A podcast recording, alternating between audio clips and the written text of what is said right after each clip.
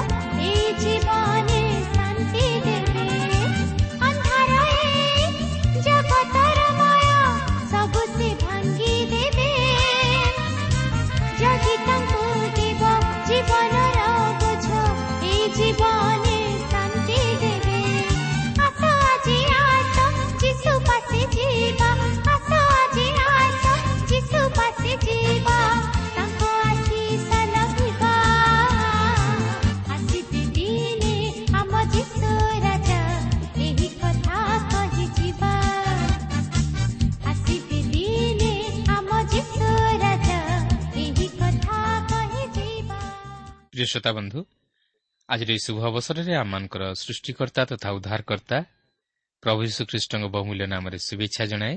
ଆଜିର ଏହି ପଥ ପ୍ରଦର୍ଶିକା କାର୍ଯ୍ୟକ୍ରମର ଅଂଶ ହେବା ନିମନ୍ତେ ସ୍ୱାଗତ ଜଣାଏ। ଆପଣ ଆପଣଙ୍କର ବହୁମୂଲ୍ୟ ସମୟ ଦେଇ ଆଜିର ଏହି କାର୍ଯ୍ୟକ୍ରମ ଶୁଣିବା ନିମନ୍ତେ ରେଡିଓ ପାଖରେ ଅପେକ୍ଷା କରି ବସିଥିବାର ଜାଣି ଆମେ ବିଶେଷ ଖୁସି। ପ୍ରଭୁଙ୍କ ନାମକୁ ଧନ୍ୟବାଦ ଦେଉ। ହଁ ଯେଉଁମାନେ ପ୍ରଭୁ ଯୀଶୁଙ୍କ ବିଷୟରେ ମନୋଯୋଗୀ ଆଉ ତାଙ୍କର ବାକ୍ୟରେ ବିଶ୍ୱାସ କରନ୍ତି ସେମାନେ ପାପରୁ ଉଦ୍ଧାରପ୍ରାପ୍ତ ହୋଇ ଅନନ୍ତ ଜୀବନ ଅଧିକାରୀ ହୁଅନ୍ତି। ଆମର ବିଶ୍ୱାସ ଯେଉଁ ପ୍ରଭୁ ଯୀଶୁଙ୍କଠାରେ ଆପଣ ବିଶ୍ୱାସ ସ୍ଥାପନ କରିଅଛନ୍ତି ସେ ନିଶ୍ଚିତ ଆପଣଙ୍କୁ ପାପରୁ ଉଦ୍ଧାର କରି ସେ ଅନନ୍ତ ଜୀବନର ଅଧିକାରୀ କରାଇବେ। ଆସନ୍ତୁ ପ୍ରଭୁଙ୍କର ବାକ୍ୟ ମଧ୍ୟକୁ ଯିବା ପୂର୍ବରୁ ସଂକ୍ଷେପରେ ପ୍ରାର୍ଥନା କରିବା। ପବିତ୍ର ପ୍ରଭୁ ତୁମର ପବିତ୍ର ନାମର ଧନ୍ୟବାଦ କରୁଅଛି ସୁନ୍ଦର ସମୟ ପାଇଁ ସୁଯୋଗ ପାଇଁ ତୁମର ଜୀବନ୍ତ ବାକ୍ୟ ପାଇଁ। ପ୍ରଭୁ ଏହି ସୁଯୋଗର ସଦ୍ବ୍ୟବହାର କରି ଯେପରି ଆମେ ତୁମର ବାକ୍ୟ ମଧ୍ୟ ଦେଇ ତୁମର ସ୍ୱର ଶୁଣିବାକୁ ପାରିବୁ। ତୁମଠାରେ ବିଶ୍ୱାସ ସ୍ଥାପନ କରି ପ୍ରଭୁ ଯେପରି ଆମେ ଜୀବନର ଶାନ୍ତି ଆନନ୍ଦ ପ୍ରାପ୍ତ ହେବାକୁ ପାରିବୁ ପାପରୁ ଉଦ୍ଧାର ପ୍ରାପ୍ତ ହେବାକୁ ପାରିବୁ ଏ ଅନୁଗ୍ରହ ଦାନ କର। ପ୍ରତ୍ୟେକ ଶ୍ରୋତାବନ୍ଧୁମାନଙ୍କୁ ତୁମେ ଆଶୀର୍ବାଦ କର। ଆଜିର କାର୍ଯ୍ୟକ୍ରମ ମଧ୍ୟ ଦେଇ ତୁମେ ପ୍ରତ୍ୟେକଙ୍କୁ ପ୍ରଭୁ ତୁମର ଉପସ୍ଥିତି ଉପଲବ୍ଧି କରିବା ପାଇଁ ଦିଅ। ଏହି ସମସ୍ତ ପ୍ରାର୍ଥନା ପ୍ରିୟ ପ୍ରଭୁ ଯୀଶୁଙ୍କ ନାମରେ ମାଗୁଅଛୁ।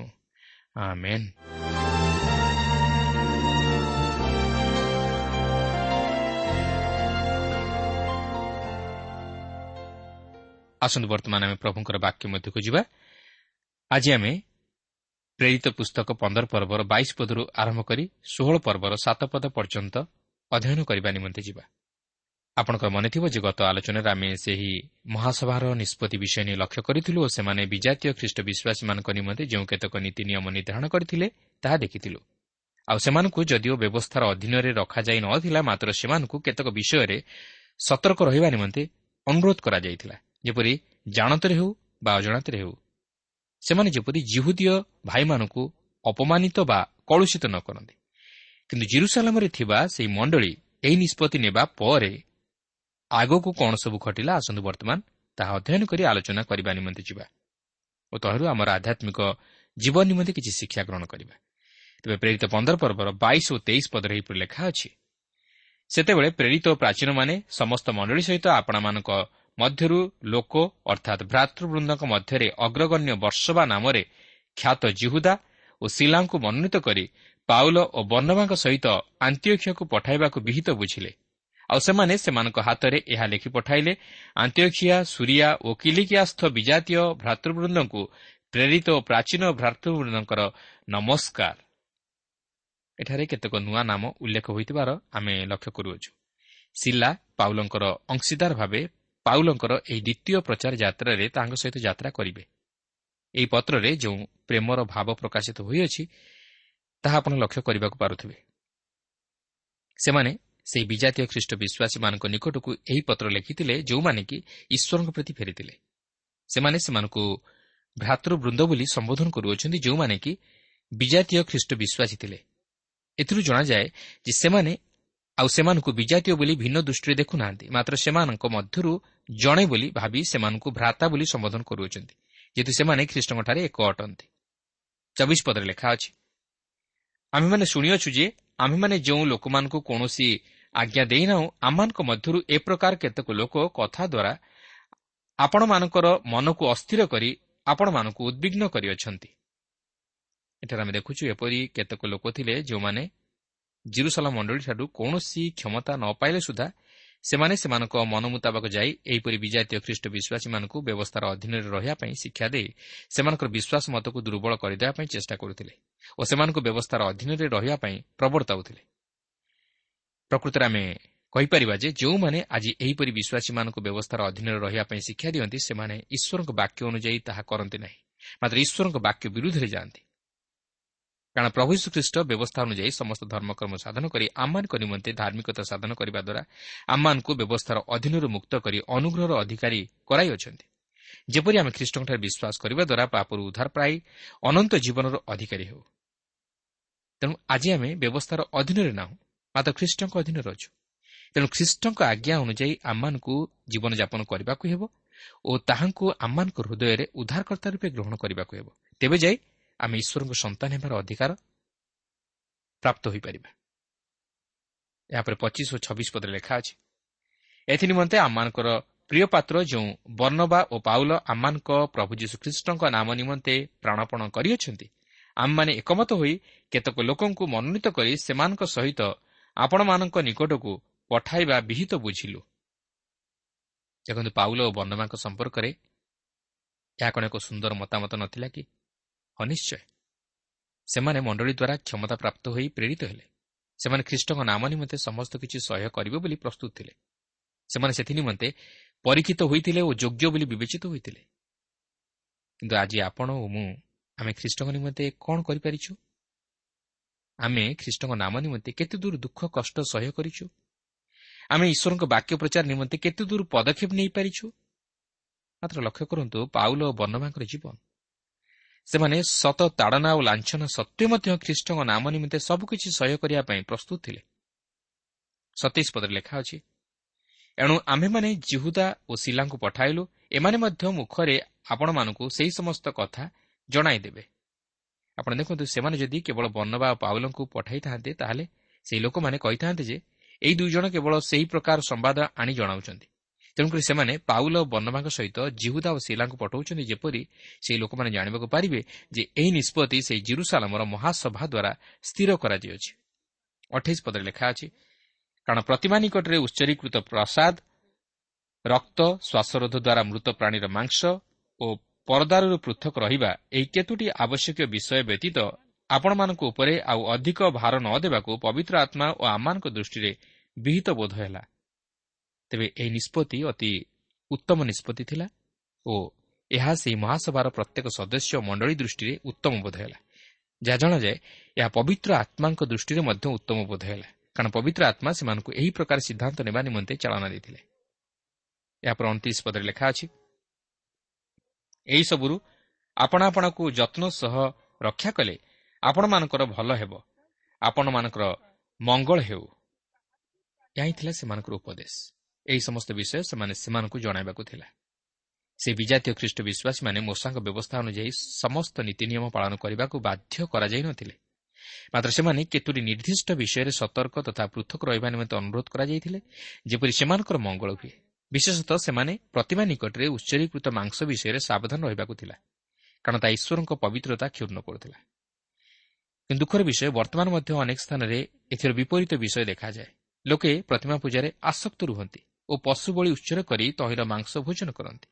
ସେମାନେ ରକ୍ତ ମଧ୍ୟ ଶୋଷଣ କରନ୍ତି। ମନୁଷ୍ୟଠାରୁ ହେଉ କିମ୍ବା ପଶୁଠାରୁ ହେଉ ତାହା ଶୋଷଣ କରନ୍ତି। କିନ୍ତୁ ଏହା ଈଶ୍ୱରଙ୍କ ଦୃଷ୍ଟିରେ ଘୃଣାର ବିଷୟ। ଆଉ ଯେଉଁମାନେ ଏହିପରି କାର୍ଯ୍ୟ କରନ୍ତି ସେମାନେ ନିଜର ମଙ୍ଗଳ ସାଧନ ନିମନ୍ତେ ତାହା କରନ୍ତି ନାହିଁ ମାତ୍ର ନିଜର ଅମଙ୍ଗଳ ନିମନ୍ତେ ତାହା କରନ୍ତି। ଯଦି ଆମେ ଈଶ୍ୱରଙ୍କଠାରୁ ମଙ୍ଗଳ ଚାହୁଁ ତାହେଲେ ଆମେ ସେହି ପଥ ପରିତ୍ୟାଗ କରି ପ୍ରଭୁ ଯୀଶୁଙ୍କ ନିକଟକୁ ଫେରିଆସୁ ଓ ତାହାଙ୍କଠାରେ ବିଶ୍ୱାସ କରି ଓ ନିଜର ପାପ ସବୁ ସ୍ୱୀକାର କରି ତାହାଙ୍କୁ ଉଦ୍ଧାରକର୍ତ୍ତା ରୂପେ ଗ୍ରହଣ କରୁ।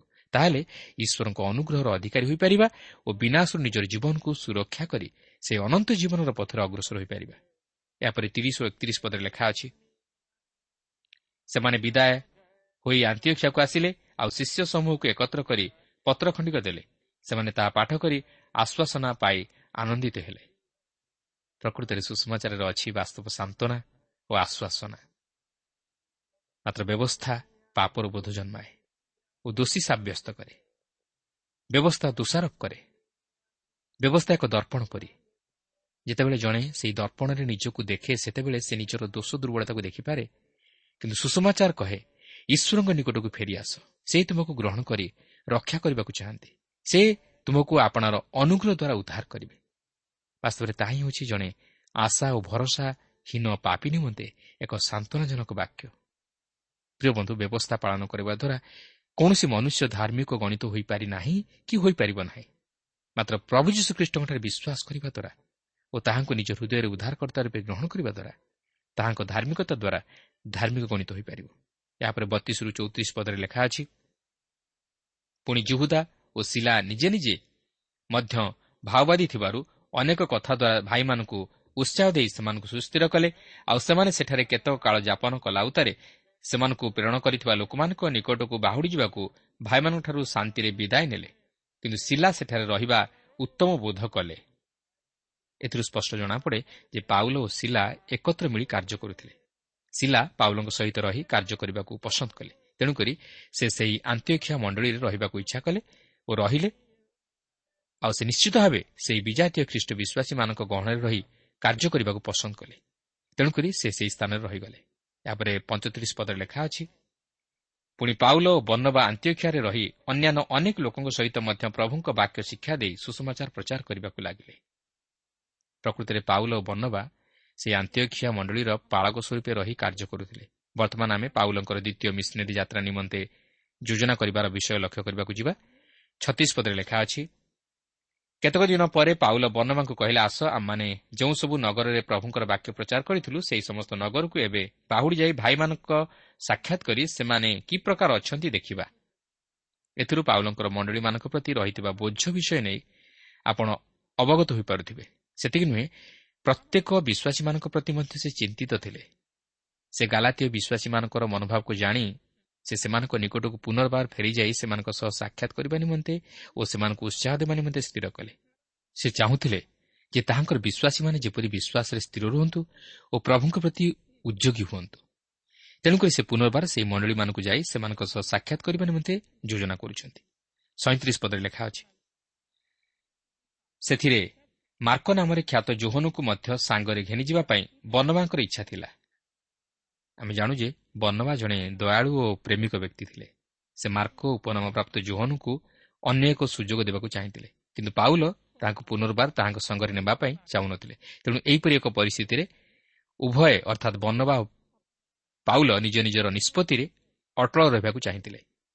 ଅଠତିରିଶ ପଦରେ ଲେଖା ଅଛି କିନ୍ତୁ ସେ ସେମାନଙ୍କୁ ଛାଡ଼ି ପମ୍ଫୁଲିଆରୁ ଚାଲି ଆସିଥିଲେ ଓ ସେମାନଙ୍କ ସହିତ କାର୍ଯ୍ୟକୁ ଯାଇନଥିଲେ। ତାଙ୍କୁ ସାଙ୍ଗରେ ନେବାକୁ ପାଉଲ ଉଚିତ ମନେ କଲେ ନାହିଁ। ଦେଖନ୍ତୁ ମାର୍କଙ୍କୁ ପାଉଲ ସଙ୍ଗରେ ନ ନେବା ପାଇଁ ଇଚ୍ଛା କରିବାର କାରଣ ଏହି ଅଂଶରେ ସ୍ପଷ୍ଟ ଜଣାପଡ଼େ। କାରଣ ମାର୍କ ପାଉଲଙ୍କର ପ୍ରଥମ ପ୍ରଚାର ଯାତ୍ରାରେ ସେହି ପମ୍ଫୁଲିଆରୁ ଫେରିଆସିଥିବାରୁ ପାଉଲ ପୁନର୍ବାର ତାହାଙ୍କୁ ଦ୍ୱିତୀୟ ପ୍ରଚାର ଯାତ୍ରାରେ ନେବା ପାଇଁ ଇଚ୍ଛା କରିନଥିଲେ। ମାତ୍ର ବର୍ଣ୍ଣବା ତାହାଙ୍କୁ ସଙ୍ଗରେ ନେବା ପାଇଁ ଇଚ୍ଛା କଲେ। ଏଥିରୁ ମଧ୍ୟ ଆମକୁ ଏହି ଶିକ୍ଷା ମିଳେ ଯେ ଏପରିକି ଭକ୍ତମାନେ ମଧ୍ୟ ପରସ୍ପର ମଧ୍ୟରେ ଅରାଜି ହୋଇପାରନ୍ତି। କିନ୍ତୁ ସେମାନେ ମଣ୍ଡଳୀ ମଧ୍ୟରେ କୌଣସି ଭେଦାଭେଦ ବା ବିଭେଦ ସୃଷ୍ଟି କରନ୍ତି ନାହିଁ କି ବିଭିନ୍ନ ଦଳ ଗଠନ କରନ୍ତି ନାହିଁ। ମାତ୍ର ସେମାନେ ପରସ୍ପର ମଧ୍ୟରେ କୌଣସି ବ୍ୟକ୍ତିଗତ ସ୍ୱାର୍ଥ ନେଇ ବିବାଦ କରନ୍ତି ନାହିଁ କିନ୍ତୁ ସେମାନେ ପରସ୍ପର ମଧ୍ୟରେ କୌଣସି ଅପ୍ରୀତିକର ପରିସ୍ଥିତି ନେଇ ଏକମତ ନ ହୋଇପାରନ୍ତି। ସେମାନେ ଏକମତ ହୋଇନଥିଲେ କିନ୍ତୁ ସେମାନେ କୌଣସି ଦଳଭେଦ ବା ବିଭେଦ ସୃଷ୍ଟି କରିନଥିଲେ। ତେଣୁ ଯଦି ବା ଆମମାନଙ୍କ ପରସ୍ପର ମଧ୍ୟରେ ଆମମାନେ ଏକମତ ନ ହୋଇପାରୁ ମାତ୍ର ଆମେ ପ୍ରଭୁଙ୍କ କାର୍ଯ୍ୟରେ ବିଘ୍ନ କିମ୍ବା ପ୍ରତିବନ୍ଧକ ସୃଷ୍ଟି କରିବା ନିମନ୍ତେ ଚେଷ୍ଟା କରିବା ଉଚିତ ନୁହେଁ। ଅଣଚାଳିଶ ପଦରେ ଲେଖା ଅଛି ସେଥିରେ ଘୋର ବିବାଦ ଘଟିବାରୁ ସେମାନେ ପରସ୍ପରଠାରୁ ପୃଥକ ହେଲେ ବର୍ଣ୍ଣବା ମାର୍କଙ୍କୁ ସାଙ୍ଗରେ ଘେନି ଜାହାଜରେ କୁପ୍ରକୁ ଗମନ କଲେ। ବର୍ଣ୍ଣବା ପାଉଲଙ୍କ ସହିତ ଏକମତ ନ ହେବାରୁ ସେ ମାର୍କଙ୍କୁ ସଙ୍ଗରେ ଘେନି କୁପ୍ରକୁ ଗମନ କଲେ ଓ ସେଠାରେ ସେ ପ୍ରଚାର କାର୍ଯ୍ୟ କଲେ। କାରଣ ବର୍ଣ୍ଣବା କୁପ୍ରର ବାସିନ୍ଦା ଥିଲେ। ତେଣୁକରି ସେ ତାହାଙ୍କର ନିଜ ଲୋକମାନଙ୍କ ମଧ୍ୟରେ ସୁଷମାଚାର ପ୍ରଚାର କରିବା ନିମନ୍ତେ ପସନ୍ଦ କଲେ। ସେହି ସମୟର ଐତିହାସିକ ପ୍ରଥାରୁ ଆମେ ଜାଣିବାକୁ ପାରୁ ଯେ ବର୍ଣ୍ଣବା ସେଠାରେ ମହାନ ପ୍ରଚାର କାର୍ଯ୍ୟ କଲେ ଏବଂ ସେହି କୁପ୍ରରୁ ଉତ୍ତର ଆଫ୍ରିକାକୁ ମଧ୍ୟ ସୁଷମାଚାର ବ୍ୟାପିବାରେ ଲାଗିଲା। ତେବେ ଏହିଠାରୁ ବର୍ଣ୍ଣବାଙ୍କ ବିଷୟରେ ଆଉ ବିଶେଷ କିଛି ଲେଖାଯାଏ ନାହିଁ।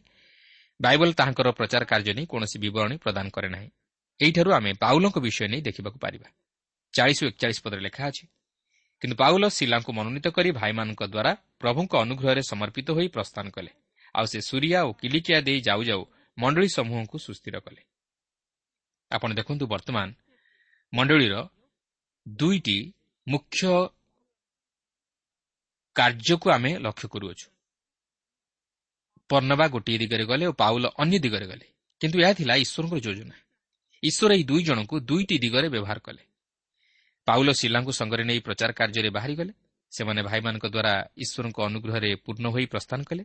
ସେମାନେ ସୁରିଆ ଓ କିଲିକିଆ ଦେଇ ଯାଉ ଯାଉ ମଣ୍ଡଳୀ ସମୂହକୁ ସୁସ୍ଥିର କଲେ। ଯେହେତୁ ପ୍ରଭୁ ସେମାନଙ୍କ ସହିତ ଥିଲେ। ବର୍ତ୍ତମାନ ଆମେ ପାଉଲଙ୍କର ଦ୍ୱିତୀୟ ମିଶନେରୀ ଯାତ୍ରା ସମ୍ପର୍କରେ ଆଲୋଚନା କରିବାକୁ ଯିବା।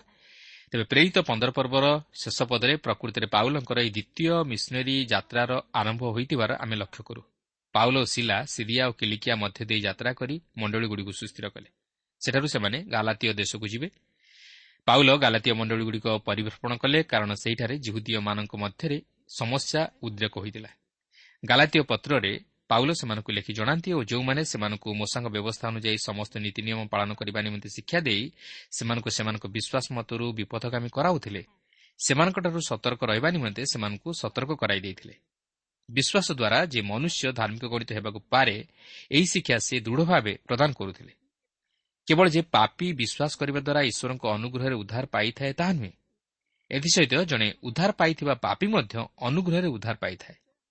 ଅନୁଗ୍ରହ ହେଉଛି ଜୀବନର ପଥ ଓ ଜୀବନ ନିମନ୍ତେ ପଥ। ଆପଣ ଯଦି ମାନଚିତ୍ର ଦେଖିବେ ତାହେଲେ ପାଉଲଙ୍କ ସହିତ ପ୍ରଚାର ଯାତ୍ରା କରିବା ଏକ ଚିତ୍ତାକର୍ଷକ ଅନୁଭୂତି। ଏହି ଦ୍ୱିତୀୟ ପ୍ରଚାର ଯାତ୍ରା ସେ ୟୁରୋପକୁ କରିଥିଲେ। ସେହି ମାକିଦୋନିଆରେ ସେ ଜଣେ ବ୍ୟକ୍ତି ବିଷୟ ନେଇ ଦର୍ଶନ ପାଇବା ପରେ ଆମେ ଦେଖିବାକୁ ପାରିବା ଯେ ସେ ଫିଲିପିରେ ପହଞ୍ଚିଲେ ଓ ସେଠାରେ ମଧ୍ୟ କାରାଗାରରେ ବନ୍ଦୀ ହୋଇ ରହିଲେ। କିନ୍ତୁ ମଧ୍ୟରାତ୍ରରେ ପାଉଲ ଓ ଶିଲା ପ୍ରାର୍ଥନା ଓ ଗୀତ ଗାଇ ପ୍ରଶଂସା କରିବା ସମୟରେ ଭୂମିକମ୍ପ ହେଲା ଓ କାରାଗାରର ଦ୍ୱାରଗୁଡ଼ିକ ଖୋଲିଗଲା ଓ ସେହି କାରାରକ୍ଷକ ନିଜର ହୃଦୟରେ ଖ୍ରୀଷ୍ଟଙ୍କୁ ଉଦ୍ଧାରକର୍ତ୍ତା ରୂପେ ଗ୍ରହଣ କଲେ। ପ୍ରଥମେ ଆମେ ଏହି ଷୋହଳ ପର୍ବରେ ପାଉଲଙ୍କର ଗାଲାତୀୟ ମଣ୍ଡଳୀଗୁଡ଼ିକ ପରିଦର୍ଶନ କରିବାର ବିଷୟକୁ ଲକ୍ଷ୍ୟ କରିବାକୁ ଯିବା। ଯାହାକି ଷୋହଳ ପର୍ବର ପ୍ରଥମ ଦୁଇ ପଦରେ ଏହିପରି ଲେଖା ଅଛି ପରେ ସେ ଦର୍ବୀ ଓ ଲୁସ୍ତ୍ରାକୁ ମଧ୍ୟ ଆସିଲେ। ଆଉ ଦେଖ ସେ ସ୍ଥାନରେ ତିମଥି ନାମରେ ଜଣେ ଶିଷ୍ୟ ଥିଲେ। ସେ ଜଣେ ବିଶ୍ୱାସିନୀ ଜିହୁଦୀ ମହିଳାର ପୁତ୍ର କିନ୍ତୁ ତାଙ୍କର ପିତା ଜଣେ ଗ୍ରୀକ୍ ଲୋକ। ଲୁସ୍ତ୍ରା ଓ ଇକନିୟରେ ଥିବା ଭାଇମାନେ ତାଙ୍କ ସୁଖ୍ୟାତି କରୁଥିଲେ। ପାଉଲ ପ୍ରଥମେ ଦର୍ବୀକୁ ଆସୁଛନ୍ତି ଓ ଏହାପରେ ସେ ଲୁସ୍ତ୍ରାକୁ ଯାଉଛନ୍ତି ଯେଉଁଠାରେ କି ସେ ଯୁବକ ତିମଥିଙ୍କର ଦେଖା ପାଉଛନ୍ତି। ପାଉଲ ତାଙ୍କର ମା ଓ ତାହାଙ୍କର ଶାନ୍ତ ମାଙ୍କୁ ଜାଣିଥିଲେ ଏବଂ ସେ ଏହି ଯୁବକ ତିମଥିଙ୍କୁ ତାଙ୍କର ପ୍ରଥମ ପ୍ରଚାର ଯାତ୍ରାରେ ତାହାଙ୍କୁ ଖ୍ରୀଷ୍ଟଙ୍କ ଆଡ଼କୁ ଫେରାଇ ଆଣିଥିଲେ। ତେଣୁକରି ପାଉଲ ତାହାଙ୍କୁ ତାହାଙ୍କ ସହିତ ପ୍ରଚାର ଯାତ୍ରାରେ ନେବା ପାଇଁ ସ୍ଥିର କରିଛନ୍ତି। ବର୍ତ୍ତମାନ ପାଉଲ ଶିଲା ଓ ତିମତି ଏହି ଦ୍ୱିତୀୟ ପ୍ରଚାର ଯାତ୍ରାରେ ଅଗ୍ରସର ହେଉଛନ୍ତି। ତିନି ପଦରେ ଏହିପରି ଲେଖା ଅଛି ତାଙ୍କୁ ସାଙ୍ଗରେ ନେଇଯିବାକୁ ପାଉଲ ଇଚ୍ଛା କଲେ ଆଉ ସେହିସବୁ ଅଞ୍ଚଳରେ ଥିବା ଜୁହୁଦୀମାନଙ୍କ ହେତୁ ତାଙ୍କୁ ଘେନିଯାଇ ସୁନ୍ନତ କଲେ କାରଣ ତାଙ୍କର ପିତା ଜଣେ ଗ୍ରୀକ୍ ଲୋକ ବୋଲି ସମସ୍ତେ ଜାଣିଥିଲେ। ଏଠାରେ ପ୍ରେରିତ ପାଉଲଙ୍କର କୌଶଳ ଉପରେ ଆପଣଙ୍କର ଦୃଷ୍ଟି ଆକର୍ଷଣ କରିବା ପାଇଁ ଚାହେଁ। ଯେତେବେଳେ ସେ ଜିରୁସାଲମକୁ ଗଲେ ସେ ତିତୋଷକୁ ସଙ୍ଗରେ ନେଇଥିଲେ ଯେ କି ଜଣେ ବିଜାତୀୟ ଥିଲେ ଓ ସୁନ୍ନତ ହୋଇନଥିଲେ ମାତ୍ର ପାଉଲ ମଧ୍ୟ ତାହାଙ୍କୁ ସୁନ୍ନତ କରାଇ ନଥିଲେ। କିନ୍ତୁ ସେ ଯାଉନା କାହିଁକି ବର୍ତ୍ତମାନ ପାଉଲ ତାହାଙ୍କ ସହିତ ତିମୋଥିଙ୍କୁ ନେବାକୁ ଚାହାନ୍ତି ଓ ତାହାଙ୍କୁ ଜିହୁଦୀମାନଙ୍କ ହେତୁ ସୁନ୍ନତ କରିବାକୁ ଚାହାନ୍ତି। କାରଣ ସେ ଚାହାନ୍ତି ତିମୋଥି ଯେପରି ଖ୍ରୀଷ୍ଟଙ୍କ ନିମନ୍ତେ ଲୋକମାନଙ୍କୁ ଲାଭ କରନ୍ତି। ତେଣୁ ତାହାଙ୍କର କାର୍ଯ୍ୟରେ ଯେପରି କୌଣସି ପ୍ରକାର ପ୍ରତିବନ୍ଧକ ନ ଉପୁଜେ ଏଥିନିମନ୍ତେ ସେ ତିମୋଥିଙ୍କୁ ସୁନ୍ନତ କରିବାକୁ ଚାହାନ୍ତି। ଏହି ସୁନ୍ନତ ବିଧି ଈଶ୍ୱରଙ୍କର ଇସ୍ରାଏଲ୍ ସନ୍ତାନଗଣ ସହିତ ଅନନ୍ତକାଳୀନ ନିୟମର ଏକ ଚିହ୍ନ। ଏହି ବ୍ୟବସ୍ଥା ମୋଷାଙ୍କ ବ୍ୟବସ୍ଥାରେ ଥିଲା। ଏହି ସୁନ୍ନତ ବିଧି ହେଉଛି ପୁରୁଷର ଲିଙ୍ଗାଗ୍ର ଚର୍ମର ଛେଦନ। ତେଣୁ ଜୁହୁଦୀମାନଙ୍କ ହେତୁ ପାଉଲ ତିମଥିଙ୍କୁ ସୁନ୍ନତ କରିବାକୁ ଚାହିଁଥିଲେ। ଯେପରି କୌଣସି ପ୍ରକାର ପ୍ରଚାର କାର୍ଯ୍ୟରେ ପ୍ରତିବନ୍ଧକ ନ ଉପୁଜେ। ଏହା ହିଁ ପ୍ରେରିତ ପାଉଲ ପ୍ରଥମ କରିଥିବା ନଅ ପର୍ବର ଉଣେଇଶ କୋଡ଼ିଏ ପଦରେ ପ୍ରକାଶ କରନ୍ତି। କାରଣ ଯେପରି ମୁଁ ଅଧିକ ସଂଖ୍ୟକ ଲୋକ ଲାଭ କରିପାରେ ଏଥିପାଇଁ ମୁଁ କାହାରି ଅଧୀନ ନ ହେଲେ ନିଜକୁ ସମସ୍ତଙ୍କ ଦାସ କଲି। ଯେପରି ମୁଁ ଜୁହୁଦୀମାନଙ୍କୁ ଲାଭ କରିପାରେ ଏଥିପାଇଁ ଜୁହୁଦୀମାନଙ୍କ ନିକଟରେ ମୁଁ ଜୁହୁଦୀ ପରି ହେଲି। ଯେପରି ବ୍ୟବସ୍ଥା ଅଧୀନରେ ଥିବା ଲୋକମାନଙ୍କୁ ଲାଭ କରିପାରେ ଏଥିପାଇଁ ମୁଁ ବ୍ୟବସ୍ଥାର ଅଧୀନ ନ ହେଲେ ସୁଦ୍ଧା ବ୍ୟବସ୍ଥା ଅଧୀନ ଲୋକମାନଙ୍କ ନିକଟରେ ବ୍ୟବସ୍ଥା ଅଧୀନର ପରି ହେଲି। ତେଣୁକରି ଏହି କାରଣରୁ ପାଉଲ ତିମଥଙ୍କୁ ସୁନ୍ନତ କରିବାକୁ ଚାହିଁଥିଲେ ଯେପରି ତାହାଙ୍କ ବିଷୟ ନେଇ କୌଣସି ପ୍ରକାର ପ୍ରତିବନ୍ଧକ କିମ୍ବା ଯୁକ୍ତିତର୍କ ବା ବାଦ ବିସମ୍ବାଦ ନ ଉପୁଜେ। ଏହା ହିଁ ଥିଲା ପାଉଲଙ୍କର ଚିନ୍ତାଧାରା। ଆଉ ପ୍ରକୃତିରେ ଦେଖିବାକୁ ଗଲେ ତିମଥିଙ୍କର ପରିଚାଳନା ନିମନ୍ତେ ସୁନ୍ନତ ହେବା ଆବଶ୍ୟକ ନଥିଲା।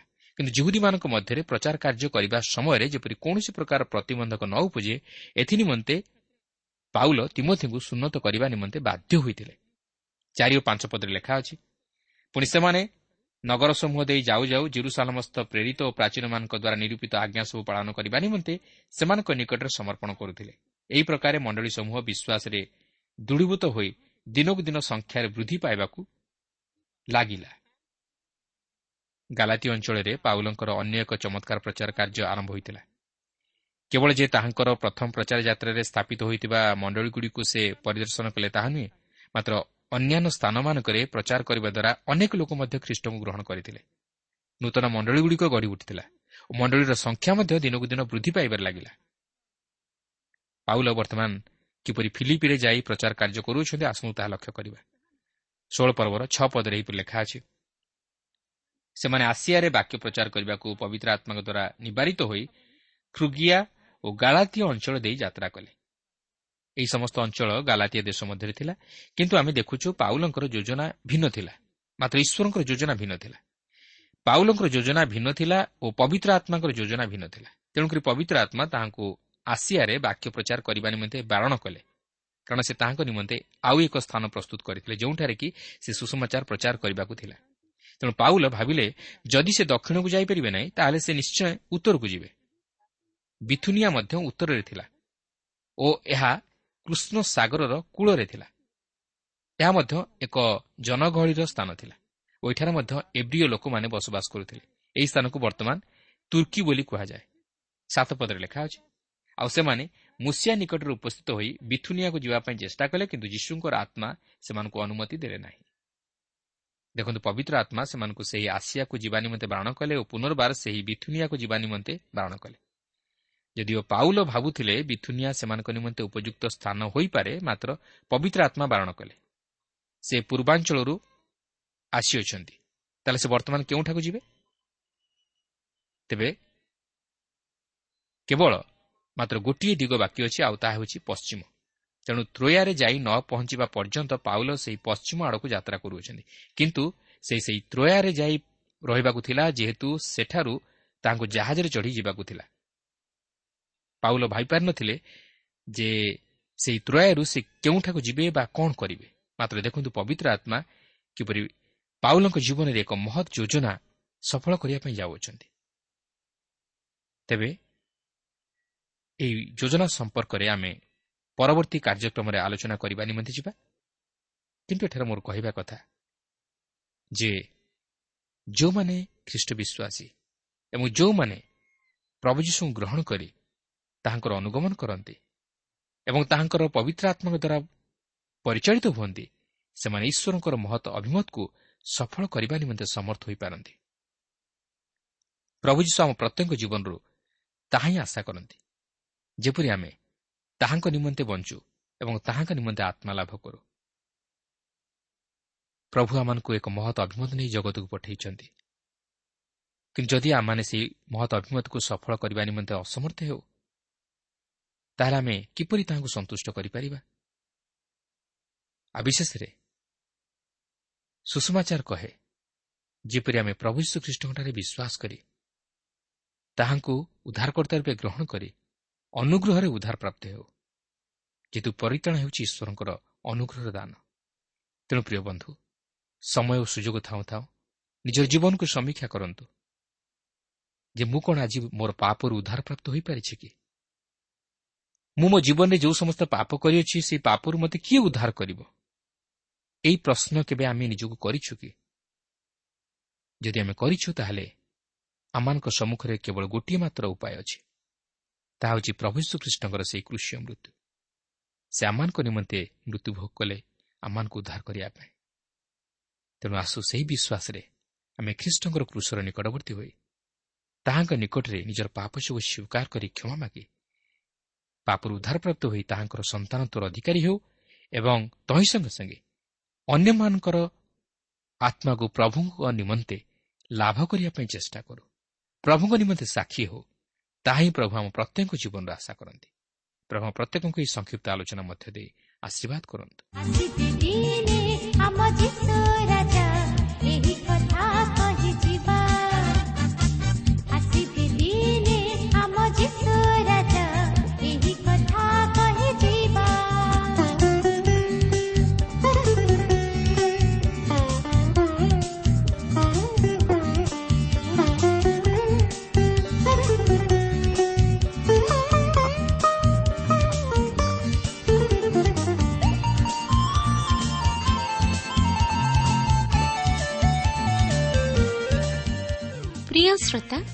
ଆମର କାର୍ଯ୍ୟକ୍ରମ ନିୟମିତ ଶୁଣୁଥିବାରୁ ଅଶେଷ ଧନ୍ୟବାଦ।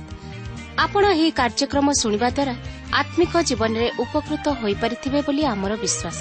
ପ୍ରଭୁ ଯୀଶୁଙ୍କ ବିଷୟରେ ଅଧିକ ଜାଣିବାର ଆଗ୍ରହ ଥିଲେ ଅଥବା ଉପାଦେୟ ପୁସ୍ତକର ଆବଶ୍ୟକ ଥିଲେ ଆମ ସହ ଯୋଗାଯୋଗ କରନ୍ତୁ। ଆମର ଠିକଣା ପଥ ପ୍ରଦର୍ଶିକା trans world radio India post box number ତିନି ତିନି ଭୁବନେଶ୍ୱର ଏକ ଟୁ ଶୁଣନ୍ତୁ। ପଥ ପ୍ରଦର୍ଶିକା trans world radio India post box number three three Bhubaneswar seven five one zero zero one mobile number nine seven double seven double two one four one five ଆମର email ଆଡ୍ରେସଟି ଲେଖି ରଖନ୍ତୁ। Odia TTV at radio eight eight two dot com ତେବେ ଆଜି ପାଇଁ ବିଦାୟ ଦିଅନ୍ତୁ ନମସ୍କାର